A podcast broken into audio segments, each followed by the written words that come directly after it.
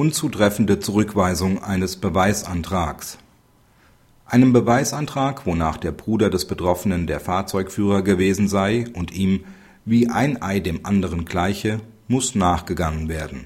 Legt der Betroffene trotz Aufforderung kein aktuelles Lichtbild des von ihm behaupteten Fahrers vor, so kann hieraus nicht geschlossen werden, der Betroffene sei der Fahrer gewesen das Amtsgericht verurteilte den Betroffenen wegen fahrlässiger Geschwindigkeitsüberschreitung zu einer Geldbuße von 140 Euro.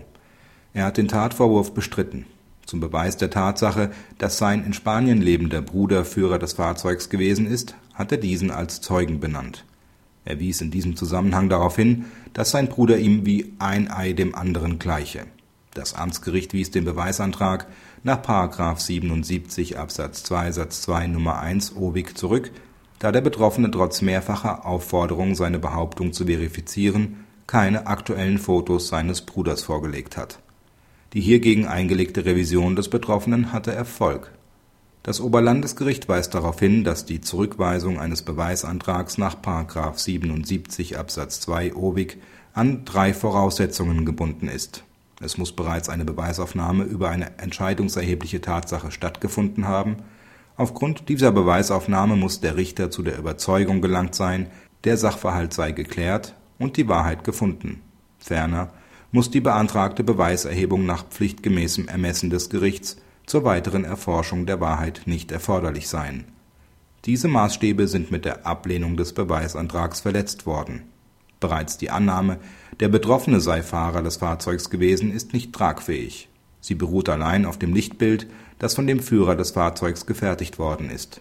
Unterstellt man den unter Beweis gestellten Vortrag, der Bruder ähnele dem Betroffenen wie ein Ei dem anderen, so kann das Lichtbild keine verlässliche Grundlage für eine Identifizierung darstellen. Das Amtsgericht ist auch nicht befugt gewesen, eine Wertung zu Lasten des Betroffenen vorzunehmen, weil dieser trotz Aufforderung kein aktuelles Lichtbild seines Bruders vorgelegt hat. Auch in Bußgeldsachen ist es nicht Sache des Betroffenen, seine Unschuld zu beweisen eine Ähnlichkeit zwischen Brüdern unterschiedlichen Alters mag zwar selten sein, schließt aber nicht aus, dass die behauptete Ähnlichkeit beim Betroffenen und seinem Bruder gegeben ist. Praxishinweis Soweit es um die Identifizierung des Betroffenen anhand eines Radarfotos geht, kann der Richter nach wohl herrschender Meinung jedenfalls dann, wenn eine verwechslungsfähige Ähnlichkeit im Aussehen nicht behauptet wird, den Beweisantrag nach § 77 Absatz 2 OWIG ablehnen wenn er aufgrund des Radarfotos von der Täterschaft überzeugt ist.